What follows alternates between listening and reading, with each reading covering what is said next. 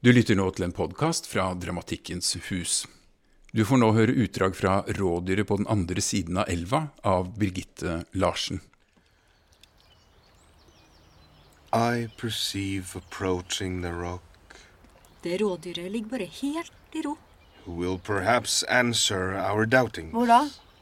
Der på den andre siden av elva, rett vis-à-vis oss. Ja, det er ca. litt til venstre for midten av den rette linja de store rettskårne steinene etter istiden danner. Men det er helt gråbrunt, så det går litt i ett med de store steinene. Det passer på oss. Jeg ser det ikke. Du ser den lysegule plastkanna på stranda. Og så ser du de ruinene etter et sandslott litt lenger borte på stranda. Mm. Ja. Hvis du da trekker en linje rett bakover fra sandslottet til den siste store steinen Og hvis du ut ifra de tre punktene skulle satt et fjerde punkt, slik at de til sammen dannet en rettvinklet firkant, da ville det punktet vært rådyret. Ja, ja, nå ser jeg det. Tenk på alle dyra som er her, men som vi ikke ser. Før fantes det bare fabeldyr og eksisterende dyr. Usynlige dyr. De visste ikke om de utrydda dyrene. Det fins jo òg fremtidsdyr. Ja, dyr som kommer. Og nye arter oppstår mye fortere enn vi har antatt. Mm. This is the time of tension between dying and birth. Er det ikke ganske varmt? Jo, jeg vil bade! Ja, men Er det så lurt, da? Med såret? Jeg vet hva sånne begrensninger velger jeg rett og Ja, slett å se jeg, bort fra. bare tenkte, Elva er neppe desinfisert. Lær deg Ja, men den nå. er jo ikke steril.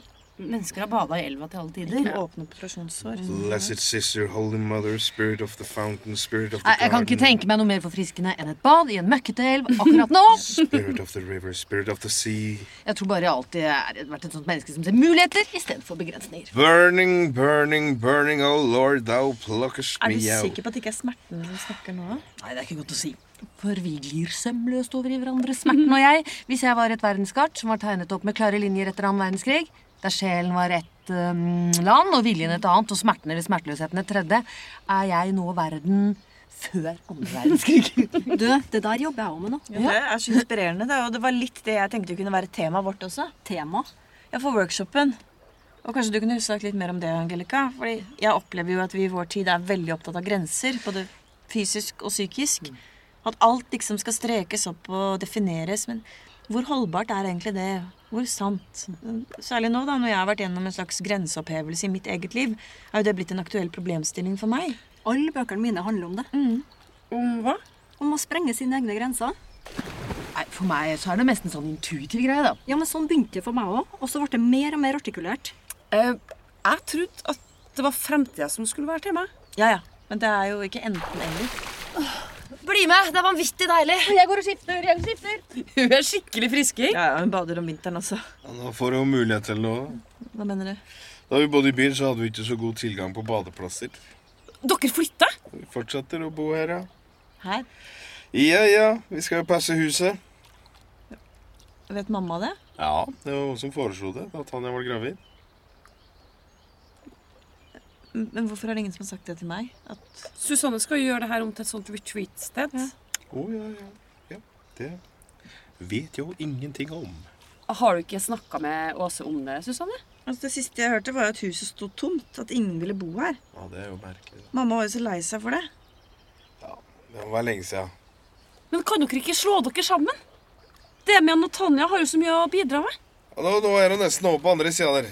Lady of silence, calm and distressed. Å, Jeg er jo eldst. Hun er rask, altså! ja, ja, ja. Hun har veldig flott teknikk. Ja, Autodidakt, eller? Ja, i utgangspunktet så er hun det, men hun er jo oppvokst i Herve elva, så alt lå jo til rette. Og så var vel sammen med en crawler. Ja. Hun hadde et forhold til en sånn palestiner som en dyktig svømmer. Mahmoud. Mahmoud, ja. Ja, han hadde en veldig sterk historie. De var sammen lenge. de. Det var Flere måneder. Og I den perioden utviklet hun seg veldig. Så plutselig vet du, svømte hun fortere enn meg. og- Så du er også god til å svømme? Jeg er ikke eksepsjonell, men jeg er nok en over gjennomsnittet god svømmer, da. Jeg vokste jo så å si opp i Mjøsa. Vannet er det eneste plassen hvor jeg føler meg helt hjemme. Å, gud, det var skjønt. Du, så du noen maneter? Eh, bare én. Ikke brennmaneter. Jo, en brødmanet. Men den var ganske stor, og de store de er ikke farlige. Hvor, hvor stor var den? Som en frisbee, kanskje? Det er jo ikke noe stort.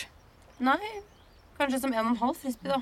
I Mjøsa så hadde vi en gang en brennmanet på størrelse med tre frisbeer. Skeinebrett, brukte vi å si. Jeg tror ikke det er brennmaneter i Mjøsa, Det var i hvert fall det før. siden det er ferskvann. Det er mulig ferskvannsbrennmanetene har dødd ut nå, det skal ikke jeg si for sikkert. Er ikke det her ferskvann? Nei, nei, det er brakkvann. Det er blanding av vannet fra fossen og vannet fra fjorden. Mjøsa er jo også brakk.